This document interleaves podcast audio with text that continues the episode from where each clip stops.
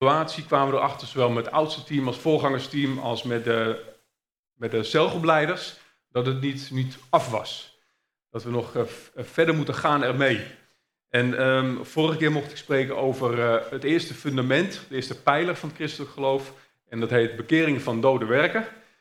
Um, en in de evaluatie kwam er terug, hey, maar wat zijn eigenlijk die dode werken?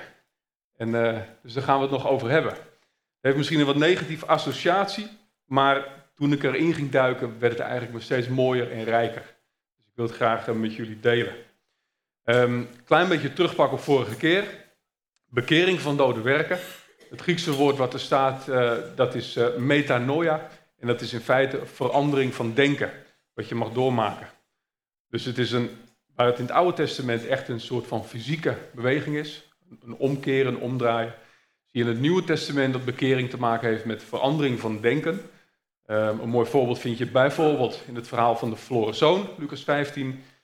Hij, hij denkt er goed aan te doen door zijn erfenis op te nemen van pa en door de wijde wereld in te trekken en het uit te geven van allerlei nou ja, slechte dingen. En op een goed moment, als hij eigenlijk in de goot ligt, dan, dan komt hij bij zinnen en daar staat eigenlijk bekering, komt hij tot bekering, denkt hij, wat ben ik in, in hemelsnaam aan het doen? Ik begin nu de, de schillen die de varkens eten, laat ik opstaan, laat ik me omkeren, laat ik me bekeren en terug naar mijn vader gaan. Verhaal van de verloren zoon. Um, wat is bekering niet? Het is niet, niet een berouw als in spijt hebben van wat je gedaan hebt. Je ziet dat uh, Judas, die Jezus verraadt, die krijgt op een gegeven moment spijt van zijn daad. Die gooit die 30 zilverlingen gooit hij terug uh, naar de priester toe. Want het voelde toch niet helemaal prettig voor hem, maar dat was absoluut geen bekering. Hij had wel spijt van wat hij deed, het was geen bekering. Um, dus dat. Dus metanoia. Voor het berouw hebben staat metamelijn, dat is een ander woord. Dat betekent veel meer emotie of vroeging of smart. Dus dat is een hele andere, andere emotie. Um, Kain, ook zo'n voorbeeld, die voor een kop soep verkwanselt hij zijn eerstgeboorterecht. Dan krijgt hij later toch wel spijt van. Maar niet zozeer bekering. Um, maar dan nu bekering van dode werken. We hebben een uitdaging vanmorgen met elkaar. Uh, dus de feedback naar mij, joh, leg nou eens wat extra uit wat dode werken zijn. En uh, ik ben gaan zoeken en ik vond wel geteld twee teksten, de hele Bijbel. Dus best kans dat ik met een microfoon in de ronde moet, want het zijn fundamenten om te horen wat dan, nou ja, wat jullie dan die dode werken zijn. Nou, dat zal ik niet doen. Ik zou jullie matsen. Maar er staan, uh, ik heb een PowerPoint mee, meegenomen of doorgestuurd. Maar er staan slechts twee teksten over dode werken in, in de Bijbel. En de eerste hebben we al best wel uitvoerig behandeld. Die staat bovenin.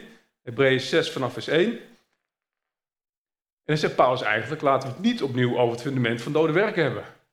En verder legt hij er niks over uit. Daar gaan we het niet meer over hebben, zegt hij. Er blijft er maar één tekst over. Dus de eerste tekst, laten wij er om het eerste onderwijs aan de Christus laten rusten en ons richten op het volkomene, zonder opnieuw het fundament te leggen van bekering van dode werken, van geloof in God, van leer van dopen en van oplegging der handen, van opstanding der doden en van een eeuwig oordeel. Dat is wat uh, in Hebreeën 6 vers 1 staat. De andere tekst staat iets verderop in Hebreeën 9 vers 14. En hoeveel te meer zal het bloed van Christus, die door de eeuwige geest zichzelf als een smetteloos offer aan God gebracht heeft, ons bewustzijn reinigen van dode werken om de levende God te dienen. En dit raakt eigenlijk best wel veel over wat uh, dode werken zijn. Um, ik moet eerlijk zeggen, in het begin dacht ik, het zijn bekering van die werken van het vlees. Het zijn bekering van die dingen die, die zo slecht zijn, waarvan je op een gegeven moment weet, oh, ik, ik, moet het niet meer doen. Het, het, het, is niet goed. En um, met name gelaten 5 spreekt er heel duidelijk over. Even zien. Het is duidelijk wat de werken van het vlees zijn. Nou, daar komt hij, hou je vast. Hoererij, onreinheid, losbandigheid, afgoderij, toverij, veten, twist, afgunst, uitbarstingen van toren, zelfzucht, tweedracht, partijschappen, nijd, dronkenschap, brasserijen en dergelijke waarvoor ik u waarschuw. En er verderop wordt juist de vrucht van de geest wordt benoemd. Maar de vrucht van de geest, de negenvoudige vrucht van de geest, is liefde, blijdschap, vrede, langmoedigheid, vriendelijkheid, goedheid, trouw, zachtmoedigheid, zelfbeheersing. Dode werken zijn niet de werken van het vlees. Ehm, die zijn eigenlijk vrij makkelijk te herkennen. Je geweten gaat je direct vertellen. Het is foute boel, moet ik niet meer doen. En zeker als je christen wordt, als je bekeert, dan weet je, dit, dit hoort niet meer. Dat is vrij duidelijk. Die dode werken die zijn wat subtieler van aard. Die hebben veel met de, de motivatie van het hart te maken.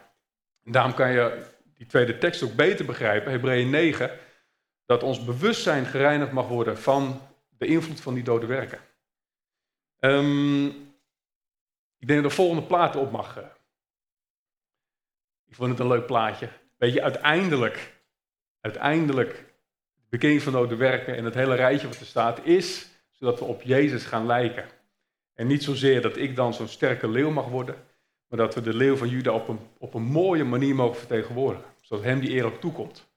Mag je naar de volgende. Omdat er maar twee teksten staan, heb ik, eh, ben ik gaan zoeken en ik heb wat, eh, wat studies ter hand genomen, onder andere van Dirk Prins. En dit vond ik hem heel mooi vangen. Dirk Prins, een, bijbelleraar uit onze tijd, hij is al overleden. Maar die beschrijft zeg maar de dode werken als volgt. De woorden dode werken slaan op alle daden en activiteiten van mensen die niet gebaseerd zijn op bekering en geloof. Ze, ze slaan zelfs op de religieuze daden en activiteiten, zelfs van beleidende christenen, als die niet op deze basis rusten. In deze zin is het dat de profeet Jezaja in Jezaja 64 vers 6 uitroept, al onze rechtvaardige daden zijn als een bezoedeld kleed. Hier wordt niet verwezen naar de daden van openlijke zonde en verdorvenheid, zoals we net lazen in Galaten 5.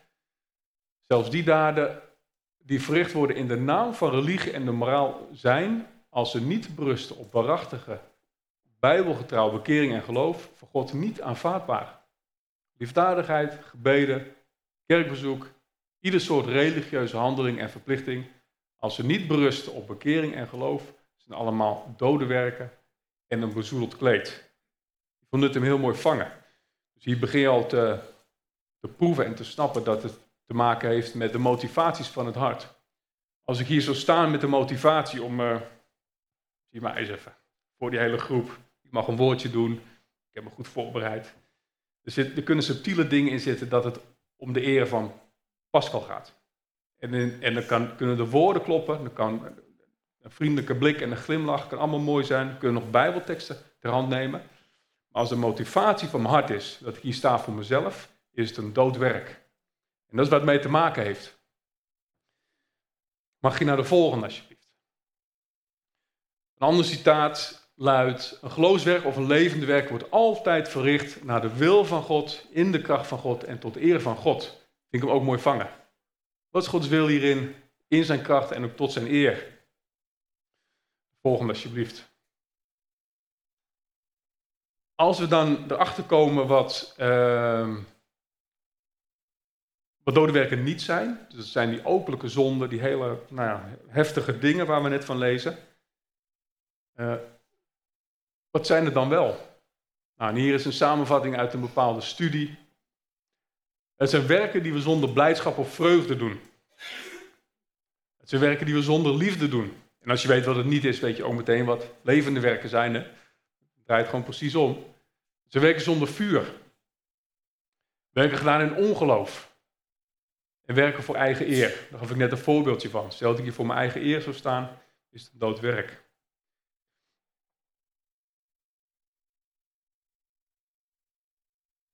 Mag je naar de volgende? Romeinen 14, vers 17 staat dat het koninkrijk Gods niet alleen bestaat in gerechtigheid. Die snappen we. We zijn bekeerd, we zijn gerechtvaardigd in Hem. Maar we bestaat ook in vrede en blijdschap. Door de Heilige Geest. Weet er zou zelfs kerkbezoek of zelfs dingen die we denken te moeten doen, kan ontstaan vanuit een soort plichtsbesef. Of vanuit een soort angst wellicht. Of oeh, als ik dit niet doe, dan wordt God misschien wel boos op mij. En in feite kom je erachter dat je dan religieuze activiteiten aan het doen bent en niet zozeer geestelijke activiteiten. Dat je niet zozeer je geestelijke mens voedt. En dan snap je ook dat, uh, wat Hebreeën 9 zei, dat je ook je geweten moet van dat soort dingen gereinigd worden. Weet je, ontdek die motieven bij jezelf en laat je hart reinigen door het bloed van Christus. Komt best wel wat tekst voorbij, uh, bear with me zou ik bijna zeggen. Laten we erheen gaan. Maar omwille van uh, ja, zo compleet mogelijk te willen zijn, heb ik best wel wat dingen opgeschreven. Onder een aantal teksten ook. 2 Korinthe bijvoorbeeld spreekt erover dat God de blijmoedige gever lief heeft. Jezus die spreekt de fariseërs aan als ze, als ze schijnt heel nauwgezet die tiende geven. Nou, dat is toch goed, tiende geven.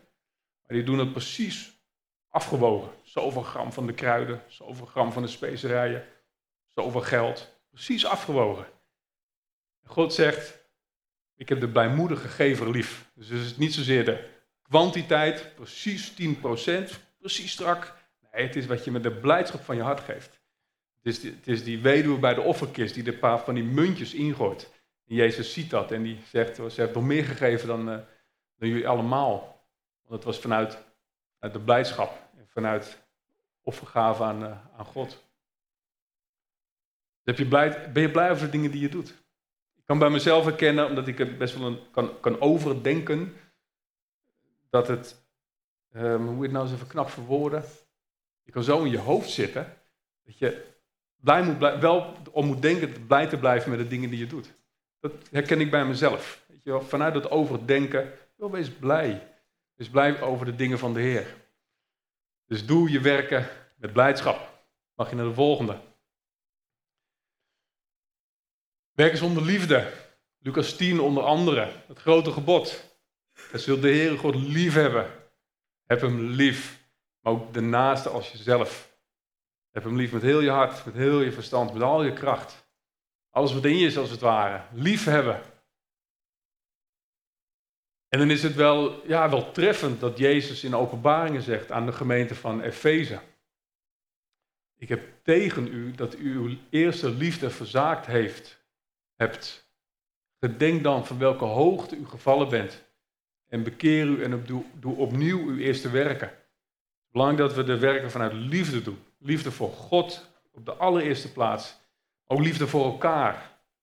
Misschien herken je, als je zo overtuigd bent van een gelijk, zelfs een bijbels gelijk, dat er een soort van felheid in je op kan komen. En dat je denkt, hé, maar dit is zo waar, dit moet over de bühne gebracht worden. Maar ga niet voorbij aan de liefde die je voor een ander moet blijven hebben en houden. Het is het eerste en belangrijkste gebod. Heb je naast lief als jezelf. God boven alles. Je ziet het bij Petrus, als hij, als hij Jezus drie keer verlogend heeft. Ik ken hem niet en ik ben nooit bij hem geweest. En tegen, die, tegen dat dienstmeisje in, die, in, in dat hof. En hij verloochent Jezus drie keer. En hij denkt, nou, pech gehad, uh, all is lost. En hij gaat terug naar zijn visboot. En ze gaan weer vissen. En Jezus komt aan het strand. En die roept ze erbij. En die zegt eigenlijk, Petrus, heb je me lief? Maar heer, dat weet u toch dat ik u lief heb. Wijd me schapen. Heb je me echt lief? U weet toch dat ik u lief heb. Hoed mijn lammeren. Heb je me waarlijk lief? Ja, bijt mijn schapen. Het gaat over, over liefde. Als je liefde hebt voor God, voor Jezus, dan wil je doen wat hij van je vraagt. Maar de basis moet wel die liefde zijn, anders wordt het een taaie bedoeling. Hij wilde we lief hebben. Vanuit die liefde ontstaat gehoorzaamheid.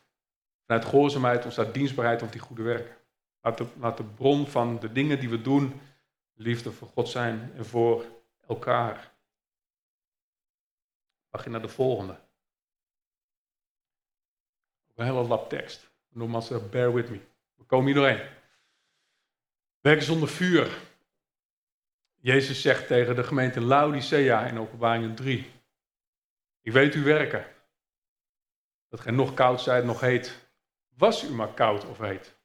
Zo dan, omdat u lauw bent nog heet, nog koud, ik zal u uit, uw, uit mijn mond spuwen.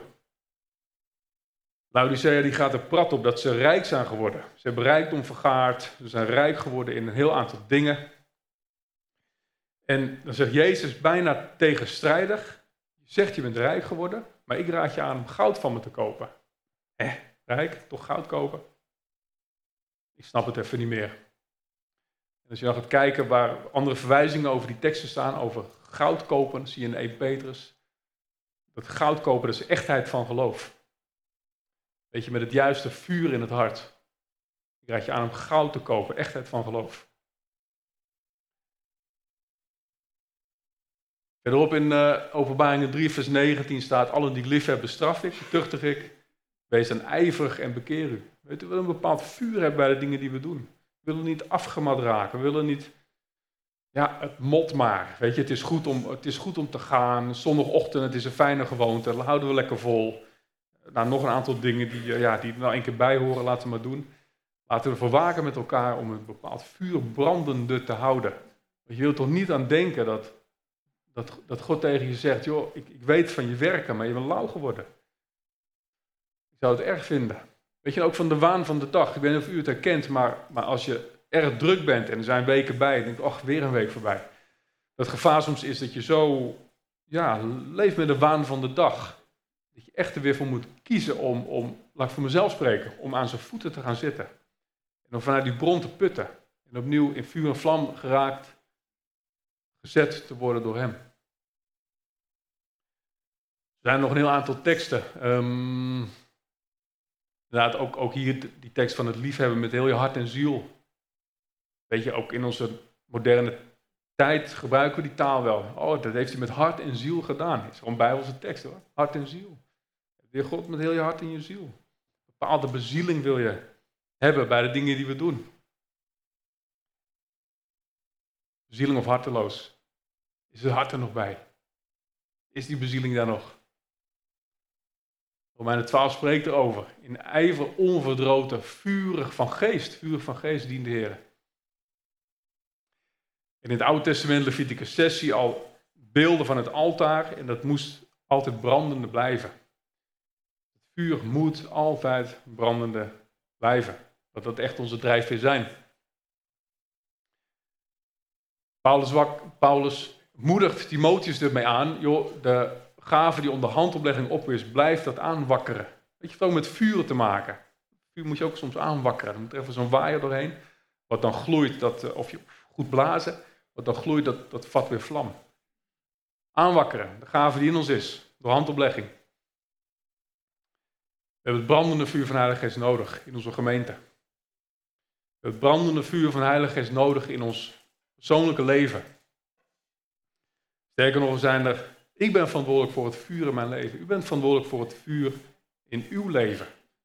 En gezamenlijk zijn we het lichaam van Christus, wat in vuur en vlam mag staan. Voor Hem. Met een ijver en een vuur voor Hem. Mag je naar de volgende. Hier komt dus wat eh, bekender voor. Werken zonder geloof. De Bijbel zegt zelfs alles wat niet uit geloof is, is zonde. Zegt dat zegt het woord nogal wat. Alles wat niet uit geloof is, is zonde. Maar ja, als ik dan uh, fijne middagje het water op om te vissen, want dat vind ik zo'n fijne hobby. Is het direct uit geloof of niet? Nou, ik vind het gewoon een hele fijne hobby. Ik heb er plezier van. Hartstikke goed. Heb plezier in de dingen die je goed vindt, die je fijn vindt. En geniet ervan. Is weer dat blijdschap, hè. Doe de dingen met blijdschap. Um, andere voorbeelden, ja, noem ze maar. Het Nieuwe Testament spreekt over gehoorzaamheid van het geloof. Onder andere in Romeinen 1 en Romeinen 16. Jacobus 2 spreekt erover dat geloof, als het niet met werken gepaard gaat, dat het op zichzelf genomen dood is. Dus je kan een overtuiging in je hart hebben, een geloofsovertuiging hebben, maar als het goed is, gaat het zich ook uit in, in daden die erbij horen de dingen die je doet.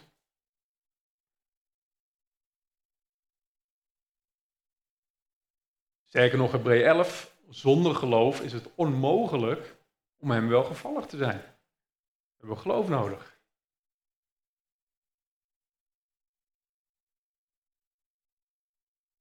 Zonder geloof is het onmogelijk hem welgevallig te zijn.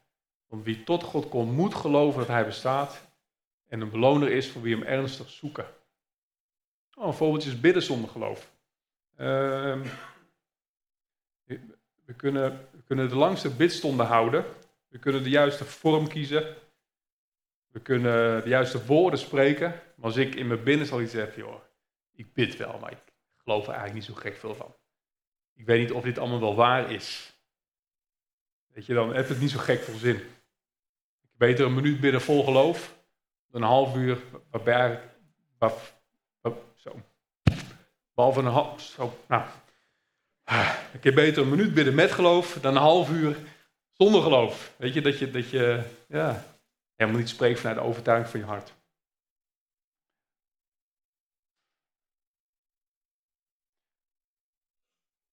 En ik ben er wel van overtuigd, en dat blijkt ook uit deze, uit deze studie, is doe die dingen dus vanuit je persoonlijke overtuiging.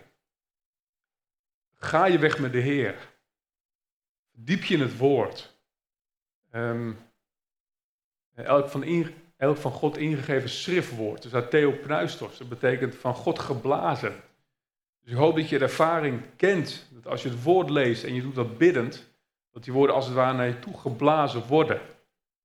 De geest Gods zweefde over de wateren en God sprak in het wassen. Dus er is altijd een volmaakte harmonie en eenheid tussen woord en geest. In ieder geval, zoals God dat bedoeld heeft. En is het ook in ons leven zo? Is die volmaakte eenheid daar? Of is het droge kennis die we opdoen? Is het ook echt iets wat we proberen uit te leven? Geloof, niet met werken gepaard, op zichzelf genomen dood. En daarom staat er in um, Romeinen 14, houd het geloof dat gij hebt bij uzelf voor het aanzicht van God. Je kunt, niet, je kunt niet leunen op het geloof van een ander.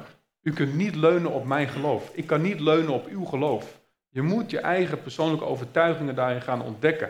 We mogen wel van elkaar leren, dat is niet wat ik zeg. We mogen elkaar discipelen, heel bijbels, we, moeten van elkaar leren.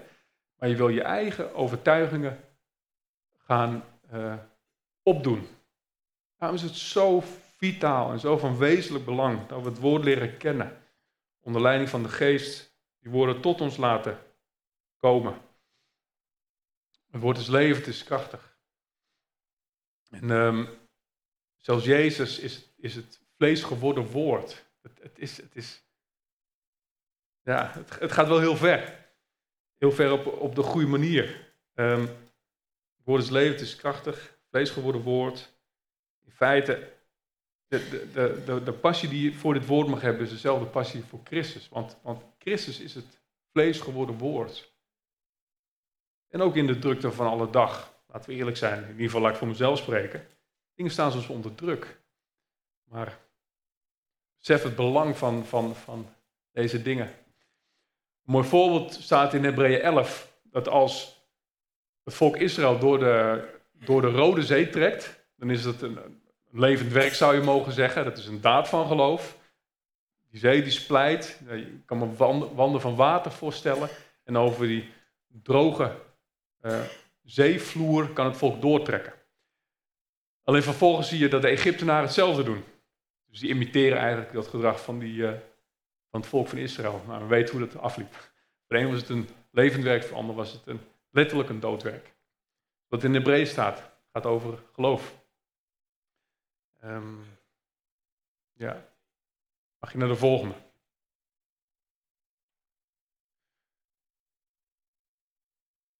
Werken voor eigen eer. Alles wat we doen heeft niet zozeer met ons te maken. Het gaat in ieder geval niet over onze eer. Het heeft met ons te maken in de zin van we zijn uniek gemaakt. We hebben een blauwdruk voor ons leven.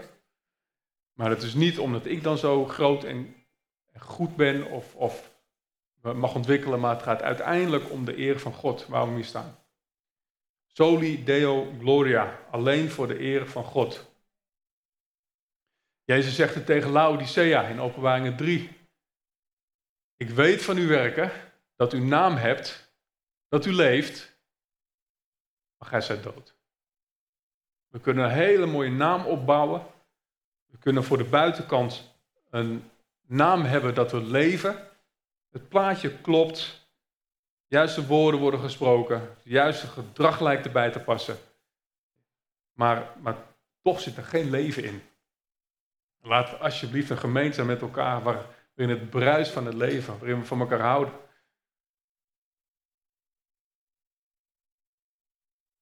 Alles wat we in, doen om indruk te maken op iemand anders is een dood werk. Het gaat niet om mijn indruk op u. Totaal, totaal niet relevant. Aan de andere kant is werk dat leeft of levende werken, is dat wat gedaan wordt om indruk op God te maken. Weet u, veel van die werken mogen in de binnenkamer gebeuren. Het is helemaal niet zo belangrijk dat, dat ik uitvoerig vertel wat ik allemaal gedaan heb deze week, het naam van het geloof. Of, weet u, laat, laat de dingen tussen God en u zijn. Richt ze in de binnenkamer. Laat je rechterhand niet weten wat je linkerhand doet. Paar, paar heftige voorbeelden van, uh, van, van, eigen werken. Dat is het gouden kalf. Handelingen 7. Ze maakten een kalf in die dagen. Brachten een offerande aan de afgod en verheugden zich over de werken van hun handen. Ze deed het voor eigen eer. En, en, en een nog heftiger voorbeeld staat in Daniel 4.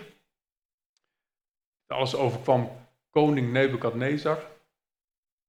Na verloop van twaalf maanden en zeide, nou dan komt hij, is dit niet het grote Babel dat ik gebouwd heb? Tot een koninklijke woonstede, door de sterkte van mijn macht en tot eer van mijn majesteit. Nog was het woord in des konings mond toen een stem nederklonk uit de hemel. U wordt aangezegd, o koning Nebukadnezar, het koningschap is van u geweken. En je moet eens lezen wat daar verder staat. Dan, dan komt hij in het veld bij de wilde dieren komt hij terecht. Zijn haren groeien als, als veren, zijn nagels groeien als klauwen. Dus hij verwildert helemaal. En hij eet gras. Hij krijgt vocht in zijn lichaam door de dauw van, van, van de atmosfeer. En het loopt op dat moment niet goed met hem af, tot hij ook weer tot bezinning komt. En tot hij God weer eer gaat geven. Maar op het moment dat we dingen doen om ons eigen Babel te bouwen, laten we alsjeblieft stoppen. Jezus zegt het tegen de fariseeën. Zei tot hen, gij hebt, gij zijt het die voor rechtvaardig wil doorgaan voor de mensen, maar God kent uw harten. Wat hoog is bij mensen is een gruwel voor God. Het zijn stevige woorden, maar uit de mond van onze Heer zelf. Die hebben ze moeten horen en, en overgeven. We willen goed doorgaan voor de mensen. Uh, is dat wat ons drijft? Ik hoop het niet. God kent onze harten. Wat drijft ons? Mogen God ons helpen onze ogen te openen, dat we vrij kunnen worden van dode werken. En we de juiste motivatie in het hart mogen hebben. Mag je naar de volgende. Nog een paar mooie ehm, quotes meegenomen. Dan gaan we richting de afronding.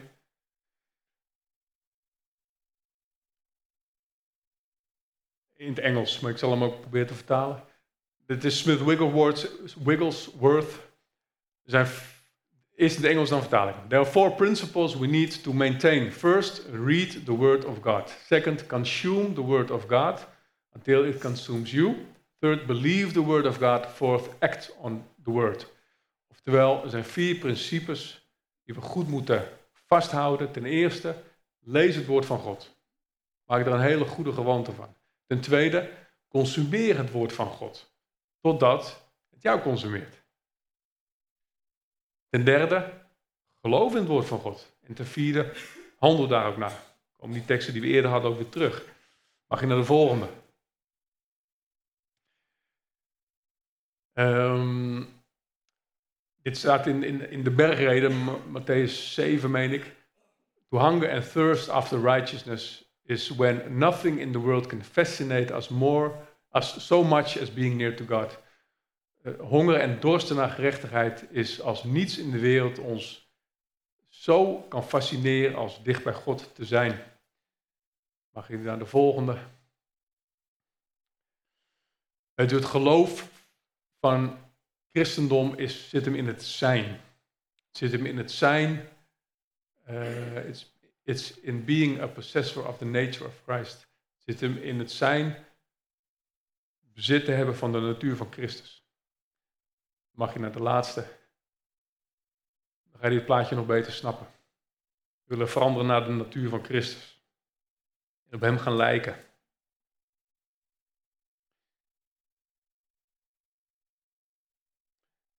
van de dingen die we ook. ook we zullen een, korte tussenstop hebben van de fundamenten. Naar alle waarschijnlijkheid gaan we ook over de vijf sola's gaan we spreken. Dat is sola fide, dat is sola gloria uh, deo, sola scriptura. Nou, zo zijn er vijf sola's, dat betekent alleen door het geloof, alleen voor de eer van God, alleen het woord, etc. En uh, nou, mag ons werken zijn levende werken, tot de eer van God. Soli Deo Gloria. In Jezus' machtige naam. Amen.